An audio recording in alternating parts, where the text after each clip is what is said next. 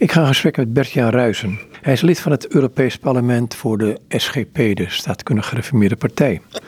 Ehm, er ligt een boekje voor me ehm, op basis van een uh, soort symposium wat jullie hebben gehad of een conferentie. Europa terug naar de wortels. Het Bijbelse mensbeeld als de basis van de Europese politiek. Dan denk ik, ja, hallo. Um, moet denken dat het Romeinse Rijk, dat gaat al een tijdje eerder terug was ook een soort van Europese beweging. Nou, beweging wil ik niet zeggen, maar goed, het was over Europese Europa uitgestrekt. Um, ja, wat bedoel je ermee met Europa, Europa, terug naar de wortels? Want jij linkt het heel sterk aan het christen zijn. Mm maar is dat wel zo? Nou, in ieder geval is het zo dat het christendom een hele grote rol gespeeld heeft in, eh, in de Europese geschiedenis. Hè? Eigenlijk uh, eeuwenlang heeft het christendom Europa bepaald. En je kunt ook vaststellen dat de grondleggers van de huidige Europese Unie, hè, mensen als Schuman, dat die nadrukkelijk opereerden vanuit een christelijk mensbeeld. En dat heeft dus ook de Europese samenwerking zeker wel gevormd. En natuurlijk zijn er ook meerdere bronnen. Hè. Rome heeft ook een belangrijke rol gespeeld. Eh, de, de, Griekse wijsgeren, eh, dat zijn allemaal elementen die een rol hebben gespeeld. En ook de verlichting natuurlijk. Maar hoe je het went of keert, het christendom heeft Europa zeker gevormd. Hè? Als je door Europa rijdt, je ziet overal kerktorens. Uh, wat een duidelijke, symbolen zijn, ook van de christelijke geschiedenis. Nou, er is een tendens binnen bepaalde bewegingen om te zeggen, joh, dat dat christendom, ach, passé, um, is iets voor de huidskamer. Uh, er is een soort neutraal midden, waar ik mijn twijfels over heb, maar goed, dat, dat een beetje wat D66 voorstaat. Ja, het christendom kunnen we volgens mij, uh, mogen we ook niet, uits, uh, niet, niet, niet opsluiten in onze eigen privéruimtes. Omdat uh, ja, wat we vanuit de Bijbel meekrijgen, dat is zo belangrijk en zo wezenlijk. Ook voor de inrichtingen van de samenleving. De Bijbel geeft ons hele duidelijke handvatten voor ja, hoe je met elkaar omgaat. Hoe je elkaar ziet. Hoe je met het leven omgaat. Dus het geloof en het christendom is, is niet iets uh, ja, wat je puur kunt beperken tot het privé-eigendom. Helaas moet je inderdaad vaststellen dat heel veel mensen dat zo willen hè, en zien. De overheid moet neutraal zijn. Uh, en, maar, maar kan dat neutraal zijn? Nee, dat kan, in mijn beleving kan dat niet. Want iedereen, iedere politicus heeft toch zijn eigen waarden en normen die hij meeneemt in het politieke debat. Dus, dus per definitie, in mijn beleving, is, is, politiek niet waardenvrij of normenvrij. Iedereen brengt zijn eigen normen en waarden mee. Wat is hierin, wat je zegt, um, Schuman was een christen. Um, zij waren van één Europa, een, een samenwerkingsverband. Um, dat ligt onder vuur op het ogenblik. Dat ligt, eh, dat ligt onder vuur. Kijk, de grondleggers waren natuurlijk heel sterk bezig met zorgen voor vrede en stabiliteit in Europa. De Europese Unie is ontstaan na de, de Tweede Wereldoorlog. Nooit meer oorlog. Dat was natuurlijk de sterke gedachte. En vandaar ook de noodzaak om tot samenwerking over te gaan. Eh, en dat was een, hele uh, lovenswaardige gedachte ook van Schuman. Maar je ziet wel dat op dit moment die Europese samenwerking wel enorm aan het doorschieten is. Uh, en in toenemende mate zie je dat Brussel ja, macht naar zich toetrekt. Waarvan ik denk, is dat wel zo nodig, is dat wel zo verstandig? Heb je daar voorbeelden bij? Op dit moment speelt bijvoorbeeld de discussie over de gezondheidsunie. En dat in het kader van de bestrijding van corona, de pandemie. Tot voor kort was het zo dat Europa zich niet of nauwelijks bemoeide met gezondheidsbeleid. Dat was een bevoegdheid van de lidstaten. Maar je ziet nu dat de Europese Commissie een enorme dienst in het leven heeft geroepen, een gezondheidsdienst in het leven heeft geroepen, om de lidstaten te helpen om de pandemie te bestrijden. En op zich de gedachte om lidstaten te helpen is natuurlijk wel een hele goede. Maar helaas constateer ik dat dat gepaard gaat met de gedachte... we moeten veel meer dingen ook Europees gaan regelen. Europees gaan voorschrijven. Bijvoorbeeld die hele coronapas waar we het nu over hebben. Ja, die is in Brussel is die ontwikkeld. Maar al voor de, voor de, voor de corona er was, dacht ik. Die coronapas die is ontwikkeld um, in het beginstadium van de, van de huidige pandemie. Vanuit de gedachte, we moeten reizen door Europa weer mogelijk maken. We moeten weer, het weer mogelijk maken dat mensen weer bijvoorbeeld uh, op vakantie kunnen. Als je maar een coronapas laat zien, als je kunt laten zien dat je gevaccineerd bent of uh, je hebt je laten testen, dan mag je de grens weer over. Hè? Want we zaten in, dat stadium was reizen niet of nauwelijks mogelijk. Dus op zichzelf was het best een waardevolle gedachte. Alleen, en daar hebben we toen van meet af aan voor gewaarschuwd, deze coronapas functioneert nu vooral om mensen beperkingen op te leggen. Hè? En het, het, gaat nu zelfs zo ver dat sommige landen er al voor kiezen om het, het, het testen of een testresultaat al niet meer als een bewijs uh, zeg maar, te accepteren uh, voor het verkrijgen van een QR-code. Waardoor je echt in een situatie terecht gaat komen dat je mensen echt gaat dwingen uh, om zich te laten inenten. En dat is natuurlijk wel heel erg ingrijpend. Maar goed, ik zat, ik, zat, ik zat in de bus hier naartoe en um, dan staat er zo'n grote advertentie op die bushokjes, dacht ik, van uh, een boostercampagne, gefinancierd door de overheid. En het is een puur commercieel bedrijf die dit, uh, die dit uitvoert. Ja, de overheid wil natuurlijk het boosteren heel sterk bevorderen en stimuleren. En er is natuurlijk ook een bepaalde gedachte achter. En op zich misschien zelfs wel een edele gedachte, namelijk de edele gedachte: we moeten met z'n allen toch het virus kunnen bestrijden. Dat waardeer ik op zichzelf. Maar de, de, de druk die er nu opgelegd wordt, bijna de dwang, hè, om je nu weer te laten boosteren en dan straks weer een nieuwe booster te nemen. Uh, ja, waar eindigt dit? Terwijl uh, ik, ik, het toch een hele wezenlijke notie is, vind ik, ook in de inrichting van de samenleving, dat je op zijn minst ruimte moet laten ook voor gewetensvrijheid. Dat mensen ook, dat je de vrij, vrijheid moet geven, aan mensen om nou ja, hun geweten te volgen. En, en zeker als het gaat over inenten. Dat is natuurlijk best iets, ja, het gaat over je eigen lichaam. Hè. Uh, ik vind dat het toch eindelijk de persoon zelf uh, de keuze moet kunnen maken: wil ik me laten inenten of niet? Maar goed, er zijn landen die gaan, zoals Oostenrijk en Duitsland ook en Italië, die gaan er heel erg ver in. Frankrijk trouwens ook.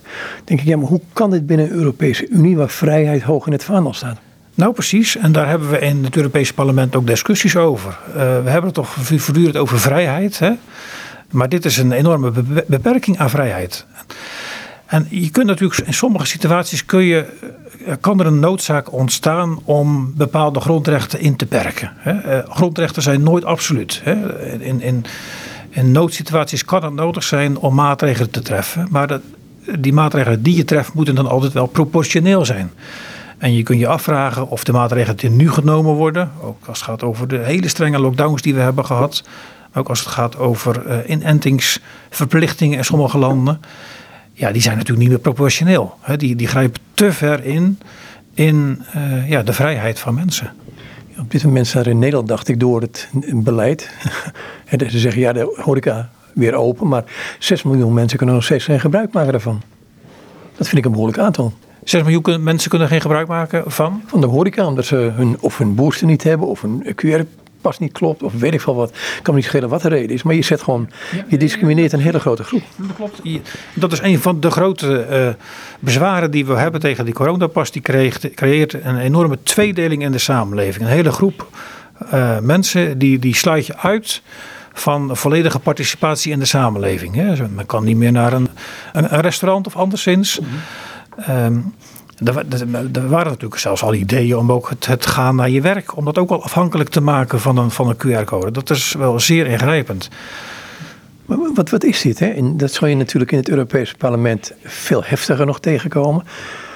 Dat willen beheersen van andere mensen. Uh, wat niet anders dan een dictatuur is, maar goed. Uh, wat is dit toch in ons? Ja, dat zit op de een of andere manier kennelijk heel diep in ons of zo. Uh, om, om de baas te willen spelen over de ander kennelijk is dat ook iets heel menselijks of zo misschien. Om, om macht te willen hebben over de ander. In ieder geval, wat iets heel gevaarlijks is, uh, ook bij de inrichting van de samenleving, dat is uh, macht concentreren bij een aantal mensen. Het meest enge is natuurlijk als je de macht gaat concentreren bij één persoon, waardoor je in een dictatuur terechtkomt. Maar Europa, de Europese Unie, uh, loopt het, het, risico om ook nou ja, die kant op te gaan. Hè? De kant op van uh, machtsconcentratie, de concentratie van macht bij een aantal personen. En dat is een heel gevaarlijk iets. Macht in handen van een beperkt aantal mensen, eh, dat kan heel makkelijk leiden tot misbruik van macht. En daarom is het zo belangrijk dat je macht ook controleert. Hè? Dat je voldoende checks en balances inbouwt En dat is ook heel belangrijk voor de Europese samenwerking.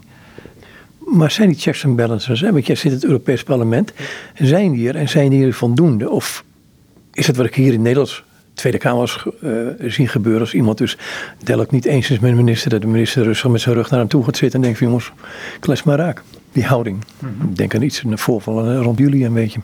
Nou, die checks en balances die zijn er, alleen ze worden niet, lang niet altijd voldoende gebruikt.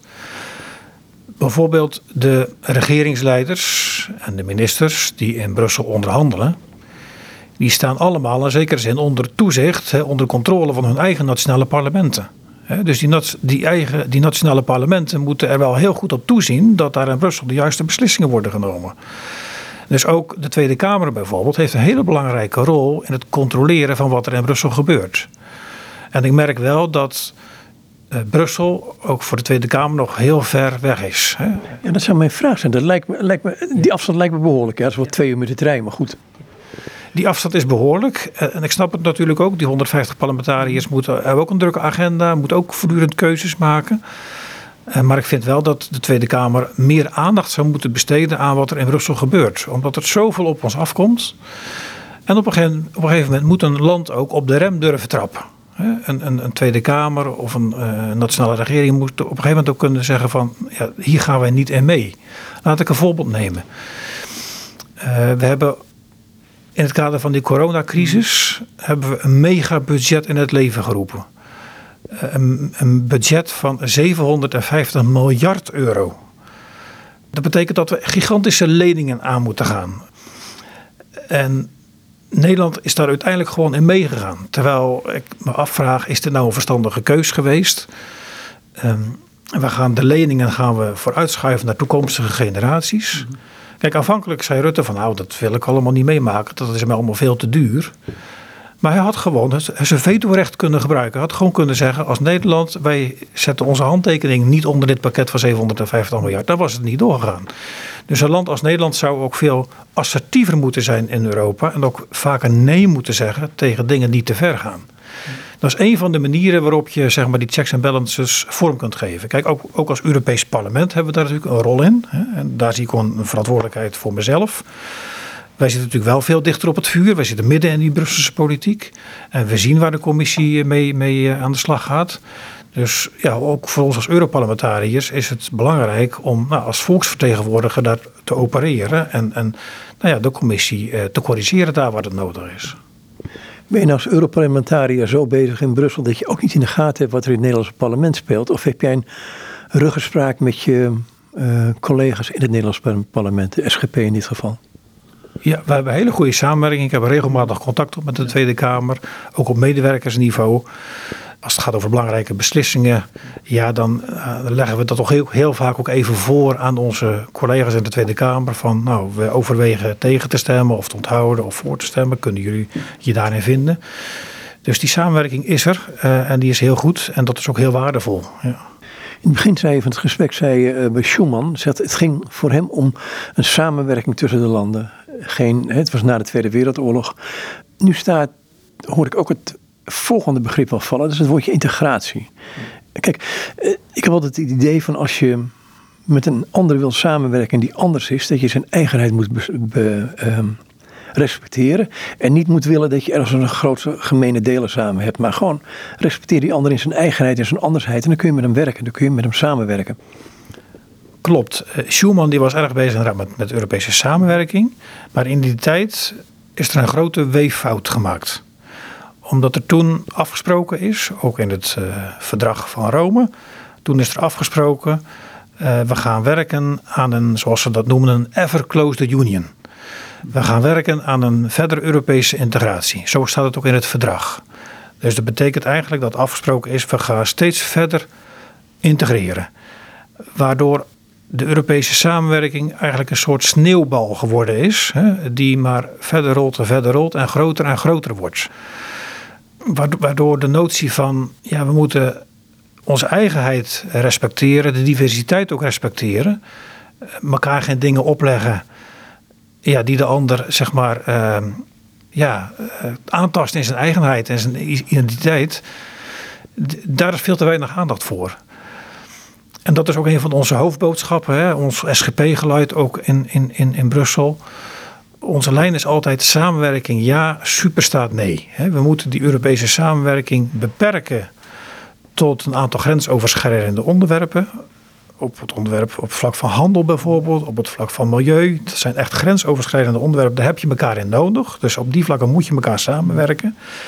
Maar als het gaat over hele identiteitsgebonden onderwerpen, eh, huwelijk en gezin, medische, ethische onderwerpen, het hele sociaal stelsel. Het is helemaal niet nodig om op EU-niveau op EU-niveau uh, daarover afspraken te maken. Hè. Daar moet je elkaar vrij in kunnen laten. Ja, het heeft me, mij verbaasd dat uh, de heer Rutten wel um, op hoge poten commentaar gaf op het besluit van het uh, Poolse Hof. maar over de hele dwangmatige maatregelen die in Oostenrijk nu gestalte krijgen, werd helemaal niets over gezegd. Dat is voor mij, ik, ik weet niet of het het een erger is dan het anders, maar goed. Uh, de verontwaardiging die wel eens wordt geuit is zeer, zeer selectief, klopt. Mm -hmm. Je ziet heel veel verontwaardiging richting landen als Polen en Hongarije, omdat ze de rechtsstaat uh, niet zouden respecteren. En natuurlijk, ik vind, ook, ik vind dat je het gesprek met elkaar moet blijven aangaan over het waarborgen van een goede rechtsstaat. Maar je ziet wel dat uh, de verontwaardiging in Europa zeer selectief is. Als, als, er, als er andere onderwerpen aan de orde zijn. Neem nu bijvoorbeeld wat er speelt in ons eigen land met de toeslagenaffaire. Daar heeft de, de overheid toch ook heel veel mensen in de kou gezet. En die, en die staan nog steeds in de kou, hè? Dat is, dat is, dat is het hele dilemma. Een jaar na dato of ja. langer na dato. Ja. Die staan, nog, die staan nog steeds in de kou, precies. Dus als je het hebt over een rechtsstaat, een, een overheid die moet zorgen voor zijn onderdanen, en zeker ook moet hebben voor de kwetsbaren, dan hebben we als Nederland toch ook jammerlijk gefaald.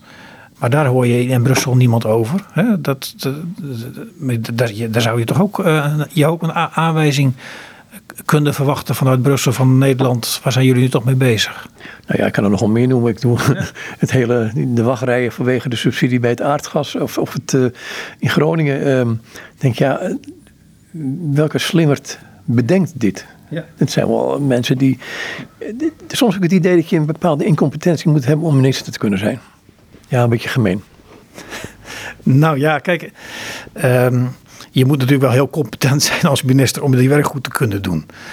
Um, en wat ik ook heel belangrijk vind, dat je, dat je als minister ja, met een overtuigend verhaal komt en dat je ook transparant bent en dat je helder laat zien waar je voor staat. Hè? Dat je geen verborgen agenda's uh, als het ware erop nahoudt. En kijk nog even terugkomend op die, zeg maar, die selectieve verontwaardiging. Hè? Dat, die, die, die, die is heel breed. Hè? Ik denk bijvoorbeeld ook aan een onderwerp als godsdienstvrijheid. Ik probeer daar toenemende maanden aandacht voor te vragen in Brussel. Omdat in sommige lidstaten godsdienstvrijheid wel degelijk onder druk staat. Kijk nu wat er gebeurt in Finland bijvoorbeeld. Een, Finse politica, die um, dreigt, ja, die, is, die, wordt vervolgd, uh, moet, krijgt misschien een boete of belandt misschien wel in de gevangenis, omdat ze de Bijbel geciteerd heeft. Dan heb ik dus ook. Nog een keer, want dit, dit, ja, ik heb het gelezen, maar ik denk, waar is het spoor? Zijn we het spoorbijster? Nou ja, ze heeft dus iets gezegd over, um, over huwelijk en gezin. En, en heeft dus uh, ook iets gezegd over homoseksualiteit. Uh, en dat uh, ja, huwelijk iets is tussen man en vrouw. En, en voor dat standpunt heeft ze de Bijbel ook geciteerd. Uh, en nu wordt ze vervolgd omdat ze daarmee zeg maar, de LHBTI-gemeenschap in een kwaad dag, daglicht ge, ge, geplaatst zou hebben. Maar dat, voert, dat voert natuurlijk best ver. Want dat betekent dat je op basis van, van, van uh, de Bijbel niet eens meer een eigen opvatting zou mogen uiten over wat je wel of niet uh, zondig vindt. Hè? Dus dan heb je het ook over grondrechten. Dan heb je het ook over vrijheid van godsdienst. Mag je dat nog uitdragen, ja of nee? Dus ook het grondrecht van uh, godsdienstvrijheid is ook absoluut in, in Europa in het geding. En ik heb daar onlangs ook vragen over gesteld, ook over de situatie in, uh, in Frankrijk, waar een uh, wet is aangenomen die kerken min of meer onder toezicht plaatst. Mm. Ja, de enige reactie die je dan krijgt van de commissie is van ja, daar gaan wij niet over. Dus de, dit is ook weer zo'n voorbeeldje wat laat zien ja, dat ook de commissie uh, heel selectief is in, uh, in de bewaken van grondrechten. Ja, maar dat is, dat, dit heeft iets engs in zich als ik dit zo hoor. Denk ik. Ja, het betekent dus dat er een, binnen Europa een, een soort mening aan het vormen is. En dat is een soort uh, consensus over, zo moeten wij denken en dit moeten wij doen. Dat is precies wat ik waarneem. Wat ik om me heen zie is een hele seculiere agenda. Van hoe we met elkaar moeten omgaan. En als je daar maar enigszins van afwijkt, als je bijvoorbeeld opkomt voor de bescherming van het leven, als je ook opkomt voor de bescherming van het ongeboren leven, ja, dan val je buiten de boot. Dat past niet meer in die seculiere agenda. En die seculiere agenda gaat zo ver dat Brussel ook probeert om die agenda op te leggen aan landen buiten de Europese Unie. We zijn momenteel bezig met een partnerschapsovereenkomst met de ACP-landen. Afrikaanse landen onder andere. Dat is een partnerschapsovereenkomst. Die gaat vooral over handel en investeringen. Maar wat doet de Europese Unie dan? We gaan in die overeenkomst allerlei passages opnemen over sexual and reproductive rights. Met andere woorden. Abortus. Abortus, precies. Met andere woorden, Afrika, we willen best zaken met jullie doen. Uh, maar dan moet je wel de abortuswetgeving vrijgeven. Dat wordt een soort conditie, dat wordt een voorwaarde. Dat vind ik heel kwalijk. Hè? Dat we dus eigenlijk als Europa onze machtspositie, want die hebben we, hè? want Afrika is zeer afhankelijk van ons. Hè? Ze hebben onze hulp hard nodig, financieel gezien. En onze machtspositie gaan we als Europa gebruiken om landen als Afrika te dwingen om ook de bescherming van het ongeboren leven om dat op te geven.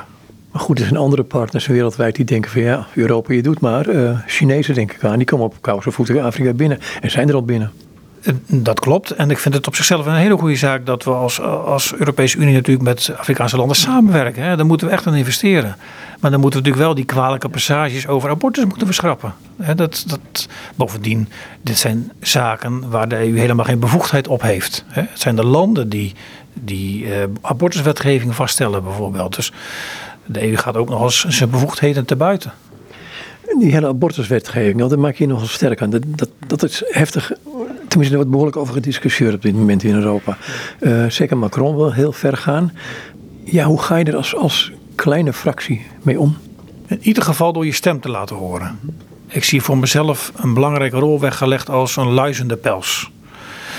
Dus als, als dit soort onderwerpen op de agenda staan, dan doe ik uh, alle pogingen die ik maar kan ondernemen om in ieder geval spreektijd te krijgen en om in het debat deel te kunnen nemen. En ik heb ook gemerkt dat als je in het debat deel kunt nemen en je daar een verhaal kunt neerzetten, ja, dat zou ook wel even luisteren. Hè. Eh, ehm, dus dat is één. Eh, ik zie ook wat dat betreft in toenemende mate een rol voor onszelf weggelegd, ook als christenpoliticus, om gewoon getuigend bezig te zijn. Laat het christelijk getuigenis maar gewoon spreken. Hè. Laat maar horen waar je vandaan komt. Laten we daar niet te beschroomd in zijn. Ik denk dat de samenleving dit gewoon hard nodig heeft. En hopelijk zet dat mensen aan het denken. Dus dat is wat ik doe. Uh, mijn stem laten horen. Het tweede is ook de samenwerking zoeken met gelijkgezinde parlementariërs. Ik heb een groep uh, parlementariërs uh, inmiddels waar ik uh, vrij intensieve contacten mee heb. collega's uit de EVP-fractie, ook collega's uit mijn eigen ECR-fractie. Iedere maand komen we bij elkaar om nou, de agenda door te nemen op het vlak van ethische onderwerpen, op het vlak van menselijke waardigheid. Om te kijken van wat komt er op ons af en hoe kunnen we zaken nog bijsturen? Hè? Kunnen we misschien nog amendementen indienen? Dus dat is ook een belangrijk spoor om met gelijkgezinde parlementariërs uh, op, te, uh, op te trekken. Maar goed, het feit is natuurlijk dat je in de minderheidspositie zit. Uh, en dan ja, komt het toch ook vaak op neer om. Ja, dan is het toch ook vaak een kwestie van laat je getuigenis maar horen. Het boekje Europa terug naar de wortels. Dat is een oproep om terug naar die christelijke identiteit te gaan. Um, hoe zou je dat willen doen? Want dat is nogal wat wat je daar zegt. Want het is één ding om uh, in een. Nou, het lijkt me een lastig ding om in een seculier. Een seculiere samenleving waarin. een macht zou altijd onder politici spelen. Ik bedoel, je naar links of rechts omgaat. Um, maar hoe, hoe zet je dat, die, die verfijning van het evangelie, hoe krijg je dat daarin? Ja, uiteindelijk vraagt dat natuurlijk om een totale omkering. Hè? Bijbels gesproken misschien wel een bekering. Dus het vraagt ook om een verandering van het hart bij mensen. Hè? Uh, en die zin zijn we als politici natuurlijk maar hele zwakke schakeltjes in het geheel. Hè? Eh, ik denk dat zeker wat dat betreft ook, ook de kerken in Europa een hele belangrijke uh, rol hebben. Uh, wat niet wegneemt dat je, ja, als je eenmaal op zo'n positie geplaatst bent, ook in zo'n Europees parlement, ja, dan, dan mag ook van je worden verlangd dat je ja, dat je het christelijk getuigenis ook, ook, ook laat horen. Maar ik ben me er wel van bewust ja, dat ik Europa niet kan hervormen door een aantal wetten aan te passen. Uh, of door een soort cultuurchristendom af te dwingen of zo. Uiteindelijk gaat het erom, ja, kun je een, een, echte bewerking, een verandering pas realiseren in Europa. Ja, als mensen weer ja, terugkeren naar het geloof en daar ook weer bij gaan, vanuit gaan leven. Hè. Dat is uiteindelijk de manier en de, uh, om, om weer terug te keren naar die christelijke wortels. Maar goed, de, de politiek kan er natuurlijk wel een, een ondersteunende, faciliterende rol bij spelen. Op wat voor manier? Nou, het begint er natuurlijk al mee door de kerken in ieder geval de ruimte te geven om gewoon kerk te zijn. Om het christelijk getuigenis te laten horen. Dus geen wetten gaan opleggen die dat christelijk getuigenis belemmeren. Wat je nu ziet gebeuren in Finland bijvoorbeeld. Dat de overheid naar minder meer de mond gaat snoeren van een christelijk, christenpolitica dat is denk ik een van de belangrijkste. Dat de overheid moet eh, nou ja, ruimte geven voor, voor de kerk. Hè, om, de kerk moet kerk kunnen zijn. En ondertussen om ja, ook in de wetgeving toch iets van zeg maar, die christelijke wortels doorwerking te laten geven. Door invulling te geven als begrippen als gerechtigheid. De overheid moet gerechtigheid bevorderen. Het kwade uh, weren en het goede bevorderen. De overheid uh, moet eh, zorgen voor solidariteit, hè, de kwetsbaren. Uh, oog hebben voor de kwetsbaren en die ondersteunen. Dat is een manier om invulling te geven aan zeg maar, die christelijke waarden, normen in de, in de politiek. Dat is voor Europa, maar als het weer in Nederland onnauwelijks kunnen, als ik naar die, wanneer die toeslagen verder gaat, ja, dat is een, het is een uitzichtloos gebeuren, denk ik. Ja, oké, maar je, je, uh, of die gerechtigheid dan, als je het daarover hebt, die gerechtigheid naar gewone mensen toe. Aan de andere kant mogen we ook wel weer dankbaar zijn voor het land waarin we mogen leven. Hè? Gelukkig is er nog wel veel uh, goeds. Hè? En ook de overheid. Stel je voor dat er geen overheid was in Nederland, dan was het chaos. Het is nog steeds zo dat je ja, naar de rechter kunt stappen. En, en dat je, ja, dat uh, in zijn algemeenheid kun je toch echt nog wel zeggen dat de goede worden beloond en de, en de kwaden worden, uh, worden bestraft. Hè? En we hebben de politie, we hebben de, de, de instanties die, die, die functioneren. dus ik wil niet al te somber doen en al te negatief doen over de, over de overheid. We hebben heel veel waar we nog dankbaar voor moeten zijn. Zeker als je dat vergelijkt met een, een, een land als, als China hè, eh, of, of een land als Noord-Korea, waar, totale willekeur heerst en totaal geen vrijheid is. Hè. Want eh, je noemt China wel, maar goed, Hongkong, daar maak je je ook druk om. Toch, zag ik op jullie site. Ja, klopt. Hongkong, eh, tot voor kort was dat natuurlijk een uh, gebied waar, waar, waar, ja, waar een democratie, uh, waar men een democratie had en waar men vrijheid kende. En dat is nu door China helemaal als het ware overgenomen. En, de democratie functioneert daar niet meer. De, de, oppositie is daar monddood gemaakt. Voor kerken is ook uh, steeds minder, uh, minder ruimte. Dus dat zijn hele enge ontwikkelingen. Dus zo zie ik ook als, als christenpoliticus ook een rol voor mezelf weggelegd om, om landen die in de knel komen, hè, de kwetsbaren, hè, in dit geval Hongkong, om daarvoor op te komen. Om ja, ook internationaal zeg maar, uh, weerwoord te bieden tegen China. En ook China te proberen om China op andere gedachten te brengen. Ja, dat gaat lukken, weet ik niet. Maar goed, ga, ga, ik even niet vanuit. Nee, maar er is nog iets anders bij in China. is natuurlijk die enorme macht, um, maar die ook uitgevoerd wordt via de digitale media. Zij kunnen bepalen of je wel of niet kunt reizen. Ik vind Europa daar niet zo ver van af zitten op dit moment. Dat, dat digitale gebeuren. En dan heb ik het niet over um, algoritmes en al dat soort grappen. Maar goed, het feit dat we, als we een digitaal paspoort willen hebben, of we hebben een uh, überhaupt 2G of 3G dingetje nodig, dan ben je al redelijk in die richting bezig, denk ik. Want je kunt er heel makkelijk mensen weer uitsluiten en mensen mee kun je daarmee beheersen.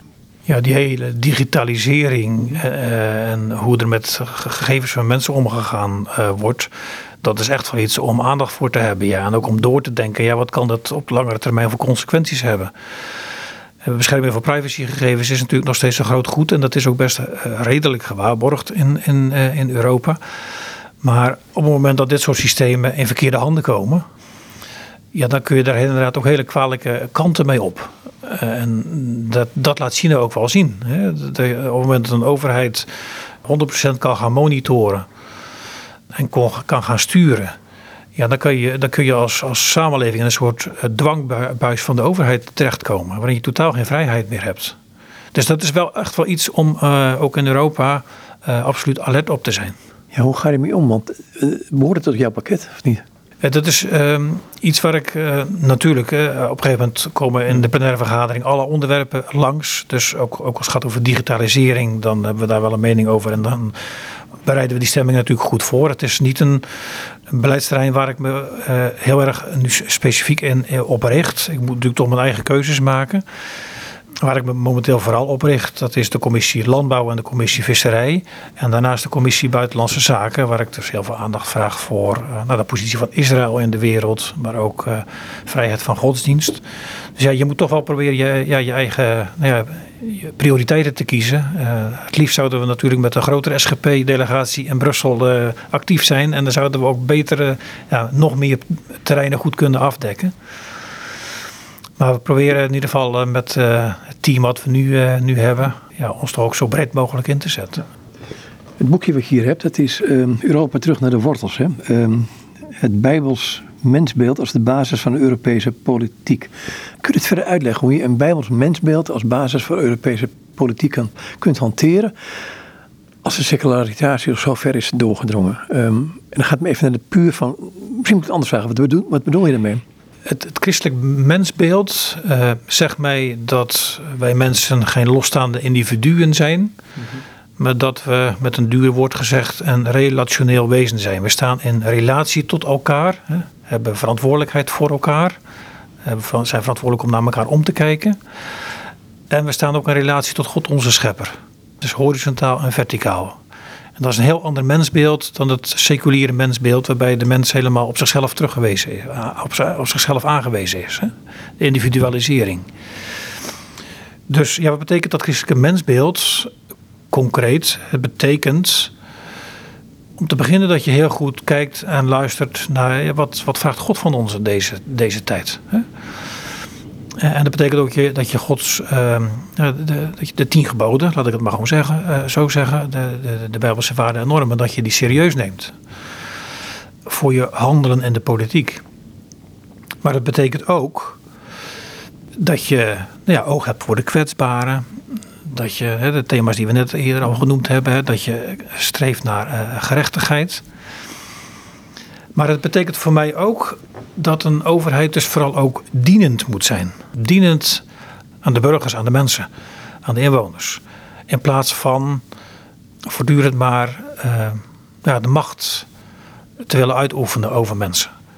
Dat vind ik ook een hele wezenlijke nou ja, vertaling voor mezelf, ook in Europa. De EU moet vooral dienend zijn. Dienend aan de landen, aan de lidstaten en ook dienend aan de inwoners en niet overheersend. Ik zie te veel een overheersende houding. We gaan in Brussel wel eens eventjes regelen uh, wat goed is voor jou. Ja, de afgelopen twee jaar, zeker in Nederland, waar een behoorlijke angst gezaaid is, lijkt het behoorlijk te lukken, dit soort dingen. Ook vanuit de Nederlandse politiek. Macht? Uh, uh... Ja, macht over de burgers. In de zin van, um, he, mensen zijn behoorlijk bang gemaakt met het hele COVID-gebeuren. Als ik even om me heen kijk denk ik, ja, maar hoe ver kun je dat weer terugbrengen naar een normale manier van kijken naar elkaar? Uh, zodat de, de, regering geen hè, in een persconferentie komt te vertellen wat wij wel en niet mogen doen, maar gewoon laat ons en geef ons onze verantwoordelijkheid. En dien, dien ons bij wijze van spreken. Mm-hmm. We zijn op een aantal punten zijn we te ver doorgeschoten, denk ik, in het, zeg maar, het, het beperken van de grondrechten. En zoals gezegd, soms kan dat nodig zijn, maar maatregelen moeten wel proportioneel blijven. En, en, en, op een aantal punten zijn we te, daar te ver doorgeschoten. Dus we moeten echt proberen zo snel mogelijk eh, ja, terug te keren. En ik denk bijvoorbeeld zo'n coronapas, die moeten we gewoon bij het, bij het grof vuil gaan zetten. Die creëert te veel een tweedeling in de samenleving. Zet mensen te veel aan in de richting van vaccinatiedwang. Dus ik vind dat geen proportionele maatregelen meer. Je hebt met landbouw te doen. Um, en dan wil ik niet alle specifieke problemen die er zijn met, met varkensboeren en weet ik het al, die meer zijn. Maar meer het punt van wat is nou de relatie uh, mens, boer, boer, uh, natuur? Um, misschien moet ik daar een voorzetje bij geven van wat ooit een Keniaan tegen me zei. Zei je opzet die, als ik in Europa kijk, lijkt, wel, het wel of jullie de natuur gekolonialiseerd hebben. Dus hoe, hoe wil je dat? Want als je, als je een goed mensbeeld hebt, dan denk ik ja. Um, Nou, ik ook een ander voorzetje geven. Ik wandel veel in de natuur. ehm, en dan zit je in een, wat, wat vrienden mij een vogelreservaat noemen. Daar kun je heel veel vogels zien. Maar je komt straks door die eindeloze, eh, mag ik het zeggen, gifgroene weilanden waarin eh, geïnjecteerd wordt en waar geen vogel meer zit. Ehm, hoe krijg je die balans weer terug tussen mens en natuur? Tussen hoe schepping is, hoe wij ermee om zou kunnen, kunnen gaan. Uiteindelijk draait het natuurlijk allemaal om het begrip rentmeesterschap. hè. We zijn geroepen rentmeester te zijn. hè. Dus ook goed te zorgen voor de natuur. Eh, en ook goed te zijn voor de, voor onze, voor de, voor de dieren, voor de, voor de planten, voor, alle- voor de, de, de natuur om ons heen. Dus de kunst is inderdaad om landbouw en natuur eh, in een goede balans eh, te houden en te brengen. Tegelijkertijd moeten we ons ook wel realiseren dat de wereld ook wel gevoed moet worden. We kunnen niet terug naar, zeg maar, maak overal maar natuurgebieden van. Hè? En het feit dat je voedselproductie vraagt bepaalde input. Ehm, en daar is wel eens te weinig begrip voor, in mijn beleving. Maar tegelijkertijd, natuurlijk komt het aan op het vinden van een goede balans tussen natuur eh, en landbouw. En de afgelopen decennia hebben we daar natuurlijk ook best wel forse stappen in gezet. We hebben het gebruik van gewasbeschermingsmiddelen al fors teruggedrongen. Antibiotica gebruik is al fors omlaag gegaan. Eh, en ik zeg niet dat we er al zijn. Hè. We moeten natuurlijk nog, nog, nog verdere stappen zetten. Maar dat wel op een zorgvuldige manier. Eh, en ik vind dat we ook zeg maar, toekomstperspectief moeten blijven bieden aan de landbouw. Eh, ook in Nederland. Want als je kijkt naar de manier wa- waarop wij produceren in, in, in, in, Nederland. En je vergelijkt dat met producties buiten de Europese Unie. Dan, dan doen wij het qua duurzaamheid best wel goed. In ieder geval qua, qua eenheid product. eh, zijn onze emissies eh, alleszins eh, acceptabel. Maar neemt, neemt natuurlijk niet weg dat je natuurlijk nog steeds moet kijken van... we hebben, zijn natuurlijk volop in de stikstofdiscussie hè, rondom Natura 2000 gebieden. Natuurlijk is er dan ook gebiedsgericht beleid nodig om te kijken van ja, waar zien we nog ruimte voor de landbouw en waar niet. Hè, om ook die landbouw zeg maar, beter eh, af te stemmen op, op de natuurlijke omgeving. Ja, maar goed, die kant wil ik eigenlijk niet op. Het is meer het punt van. Er zit bij ons in de polder zo'n ecoboer, die is er 90 jaar aan mee begonnen. Die zag van, hé, hey, dit gaat helemaal verkeerd. En je verschillende soorten, soorten gras in zijn land heeft, dat ik 100 koeien en boert goed. Zijn zoon ook. En er zijn boeren die het steeds groter, groter, groter, meer, meer, meer. Soms ook gedreven door de politiek, dus ik wil niet schuld die bij de boeren leggen. Dus. Maar hoe krijg je die natuur weer in harmonie met het boerenbedrijf? Want het lijkt nu al of het boerenbedrijf ook haak staat op de natuurontwikkeling en de gezondheid. Ja. Wat ik denk, wat denk ik heel belangrijk is, dat is dat we vooral moeten kijken hoe kunnen we boeren die zich inspannen voor de natuur, hoe kunnen we die belonen? We hebben te lang hebben we het verwacht van regeltjes op regeltjes op regeltjes. En dat is voor een boer natuurlijk ook zeer frustrerend. Want die komt alleen maar verder in de, kn- in de knel en moet regeltjes naleven. Wat een veel interessantere denkrichting is, dat is om de boeren te belonen voor zijn inspanningen. Het mooiste is natuurlijk om, om dat via de markt te regelen. Een eerlijke prijs voor een eerlijk product. Dus, dus wat dichter op de, de boeren wat dichter op de markt zetten. Dus ehm, in een omgeving waar de boeren een product verbouwen, nou laat de dorp en de steden omgeving daar maar van profiteren in plaats van de groothandels. Zeker, dat is, dat is, een, dat is een, eh, een interessante denkrichting. En dat, dat- Die gebeurt op dit moment, hè, dat weet ik. Ja, ja, absoluut. En, en dat, is, dat is ook goed hè? Eh, eh, ehm, om lokale productie te bevorderen en om de consument ook dichter bij de producent te brengen. Alleen daar moet het volgens mij niet alleen van verwachten. Er zijn ook andere manieren om zeg maar, de consument bewuster te maken van het belang van duurzame voeding. Bijvoorbeeld via etikettering.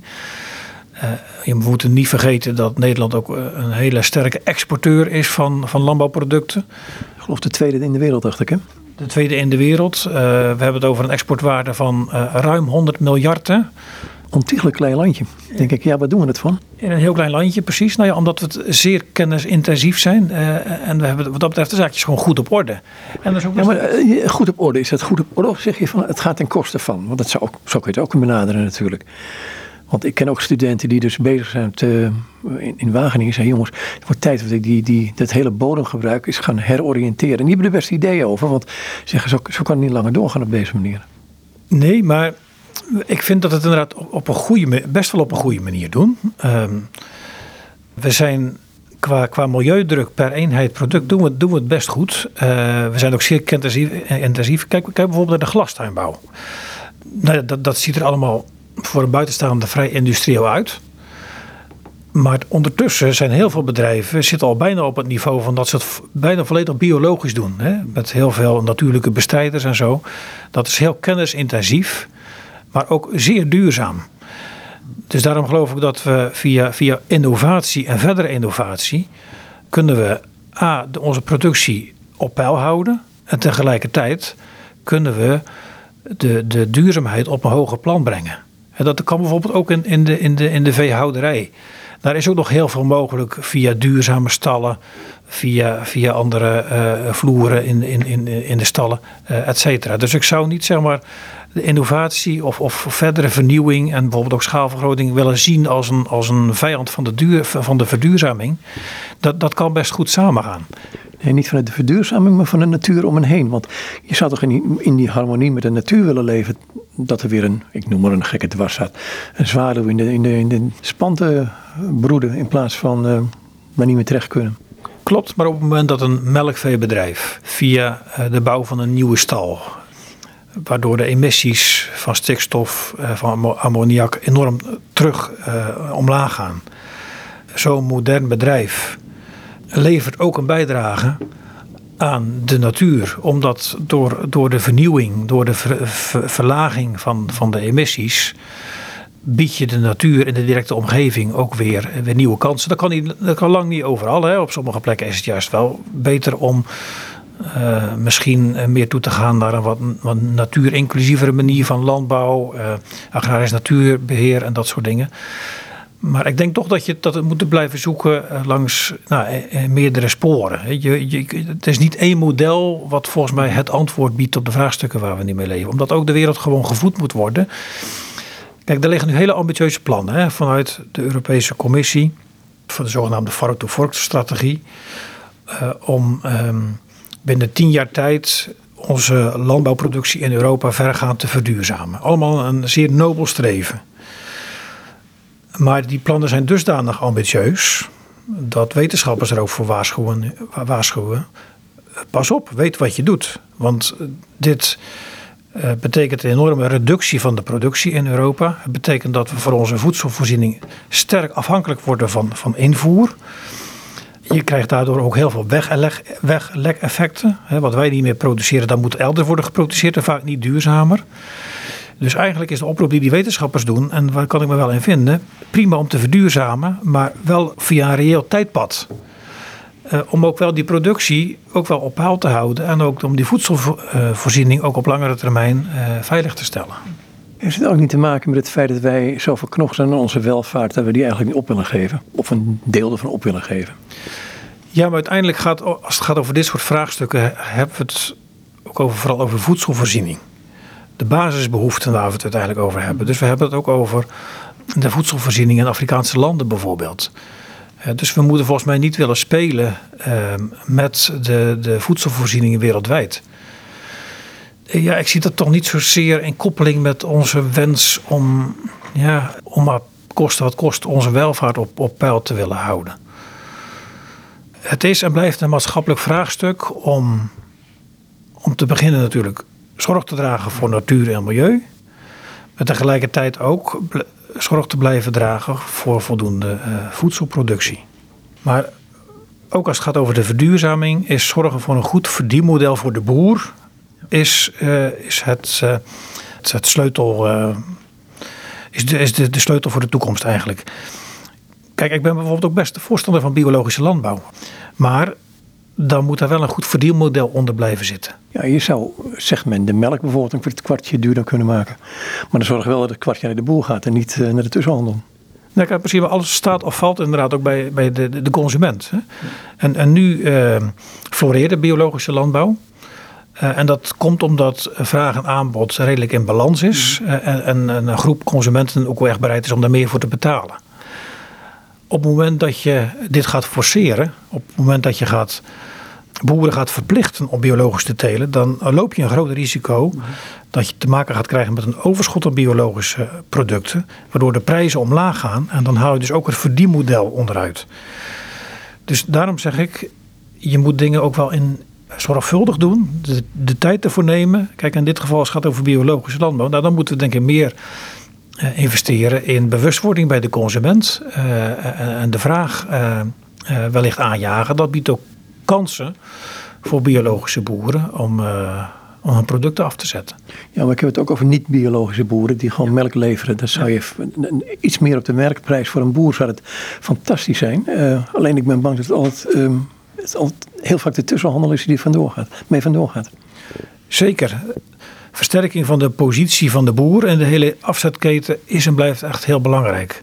Want we moeten er wel voor zorgen dat inderdaad de boer uiteindelijk uh, voldoende beloond wordt voor zijn uh, product. En er blijft inderdaad nog te veel hangen in de, in de tussenketen. Kijk, gelukkig zijn er inmiddels wel wat afspraken gemaakt over het tegengaan van oneerlijke handelspraktijken. Uh, dat biedt een instrument om ervoor te zorgen dat supermarkten en, en, en handelaren zeg maar, uh, geen oneerlijke afspraken maken. Bijvoorbeeld via uh, contracten allerlei oneerlijke constructies inbouwen. Om op die manier de positie van de boer te versterken. Een van de dingen die je ook mee bezig bent, en misschien moet ik daar maar weer afsluiten. Ja, dat kan nog wel. Um, is Israël. En Israël blijft een heet hangijzer op de een of andere manier. Um, en ik zag bij jullie op de site iets in de trant van um, antisemitisme en sionisme. Uh, dat heeft met elkaar te maken. Ja, dat ligt heel sterk in elkaars verlengde. Vorige week hebben we ook nog een webinar gehad over antisemitisme en daar kwam dat ook aan de orde. Je ziet momenteel heel veel haat tegen de staat Israël. Noem het, dat is gewoon antisionisme ook de gedachte die natuurlijk vooral in Arabische landen postvat, uh, maar die, natuurlijk ook, uh, die je ook ziet uh, in Iran bijvoorbeeld, maar ook bij de Palestijnse autoriteiten, de gedachte, ja, Israël heeft geen recht van bestaan. We moeten Israël maar gewoon van de kaart vegen. Dat is de realiteit waarin we nu leven. Israël staat onder behoorlijke druk en spanning, heeft er echt een, een veiligheids de veiligheid van Israël staat serieus onder druk vanwege de voortdurende dreiging vanuit Iran, vanuit Hezbollah. En daarom moeten we nu ook schouder aan schouder staan. Ook als Europa met Israël. En moeten we laten zien, wij steunen Israël. Dit is een, veilig Israël, de staat Israël biedt een veilig thuisland voor de, voor de Joden. En tegelijkertijd moeten we ze natuurlijk ook een veilig, veilige omgeving, een veilige samenleving bieden hier in, in, in, Europa. Want ook in Europa zien we in toenemende mate uh, antisemitisme. Maar je ziet inderdaad dat antisemitisme, dus jodenhaat, in onze tijden steeds meer de vormen krijgt van haat tegen de staat Israël. Israël mag niet meer bestaan. Wat doe je eraan? Want je bent uh, één man in het parlement, uh, Europese parlement. Wat doe je eraan? Want ik heb het idee dat, het, dat de teneur in Europa toch wel eens een verkeerde kant op zou kunnen gaan. Ten opzichte van Israël. Ja, nou, uh, gelukkig zijn er ook andere collega-parlementariërs die zich ook sterk maken voor, voor Israël. wat doe ik eraan? Ehm, om te beginnen investeren in goede relaties met Israël. Ik ben ook actief lid, ik ben vicevoorzitter van de delegatie voor de contacten met Israël. Dat is een hele actieve delegatie. En wij investeren vanuit het parlement heel bewust in versterking van de samenwerking met Israël op tal van vlakken. Om te laten zien dat Israël een goed functionerende democratie is. Eh, en dat Israël ook gewoon op ons, eh, ons kan rekenen. Ja, en ondertussen probeer ik ook eh, natuurlijk gewoon het debat aan te gaan, ook met, met eh, de Europese Commissie over, over het Israëlbeleid. En stuur ik aan op een, ja, laat ik het zo zeggen, wat Israël-vriendelijker uh, beleid. We moeten Israël uh, meer steunen. We moeten bijvoorbeeld meer doen aan het tegengaan van antisemitisme, bijvoorbeeld in Palestijnse schoolboeken. We moeten ook veel kritischer zijn op de Europese steun die we geven aan de Palestijnse autoriteit en aan Palestijnse NGO's, omdat er duidelijke aanwijzingen zijn dat dat geld ook terechtkomt bij terroristische organisaties. Daar moeten we dus veel kritischer op zijn. En dat is waar ik voortdurend uh, op hamer, samen met een aantal andere collega's. Word je wel moedeloos in dit hele gebeuren? Je zou er moedeloos van kunnen worden, ja. Ik, eerlijk zeggen, dat, eh, dat gevoel heb ik zelf nog niet. In die zin dat het me juist veel meer energie geeft om ermee bezig te zijn als ik zie en merk dat mensen toch wel gaan nadenken. Als ik zie dat we steeds meer bevriende parlementariërs ontmoeten die voor dezelfde zaak strijden. Als ik zie hoeveel pro-Israël organisaties er ook in Brussel actief zijn, die ons van goede informatie eh, voorzien.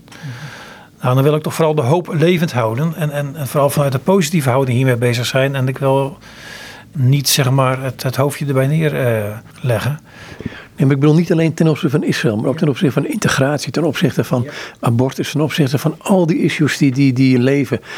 Want het lijkt wel een stoomwals, die hele Europese Unie, die overal overheen lijkt te denderen. Je noemt het een sneeuwbaleffect op een gegeven moment. Nou, dat vind ik best een enge gedachte.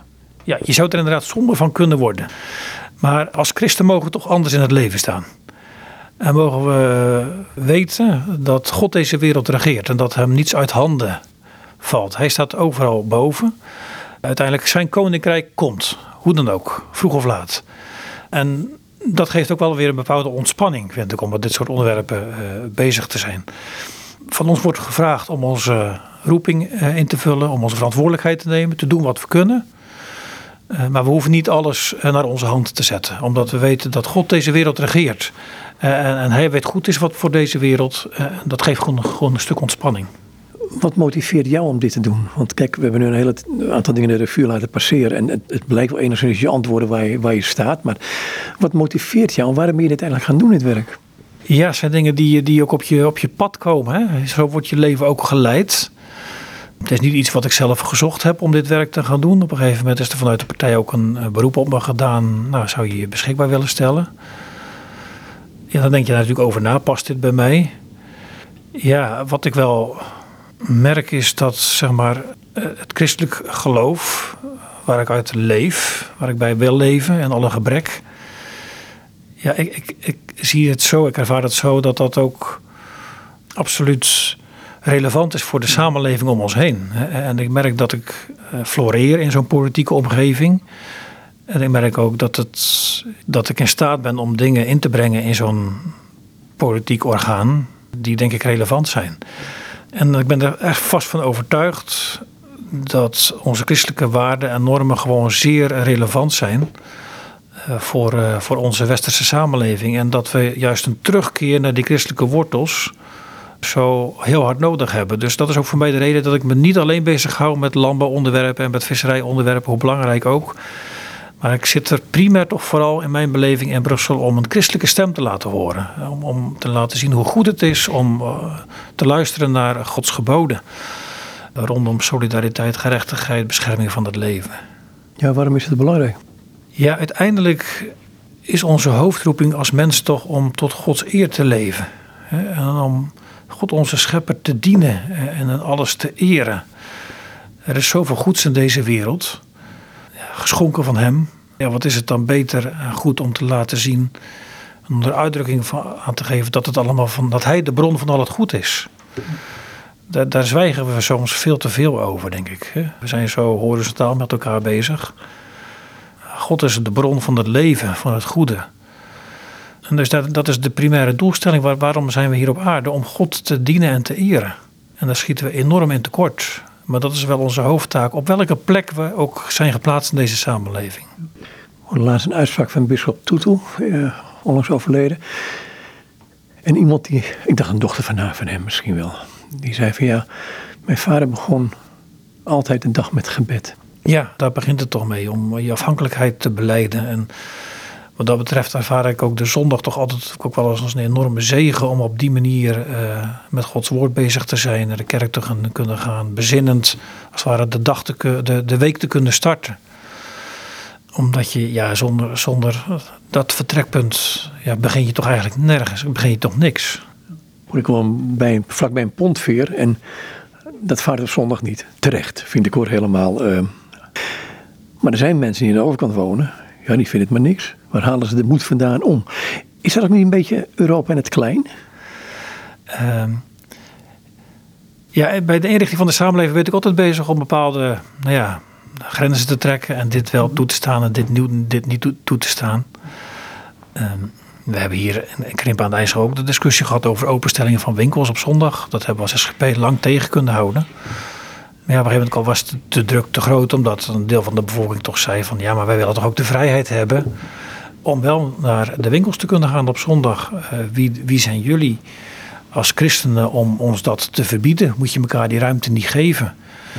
Ja, um, uiteindelijk, wij gaan, als christen mag je niet over gewetens van mensen heersen natuurlijk. En je mag nooit mensen bijna gaan dwingen om naar de kerk te gaan. Hè. Tegelijkertijd als het gaat over de inrichting van de samenleving, ja, vind ik toch dat je je primair ook als christen moet laten leiden door, ja, wat, wat vraagt God nou van ons? Hè? Uh, en is dan zo'n rustdag, één dag in de week, waarbij je de winkels gesloten houdt, uh, uh, bijvoorbeeld, is dat, nou zo, is dat nou te veel gevraagd? En ik denk dat het een belangrijke, en sommige gemeentes ook gewoon absoluut een, een functie heeft en houdt. Terug naar de wortels, heet het boekje. Mensen kunnen het bestellen ergens? Het is gratis verkrijgbaar bij het eh, SGP-partijbureau. Alleen de verzendkosten moeten, natuurlijk worden, betaald. Maar het is bij het partijbureau, dus op de website van de, van de SGP is het uh, te vinden. Het is niet in de boekhandel verkrijgbaar. Ik heb dus vanuit de Eurofractie heb ik opdracht gegeven om dit, deze studie uit te laten voeren. Dus dat is de reden waarom het nou, via het SGP-kanaal beschikbaar is.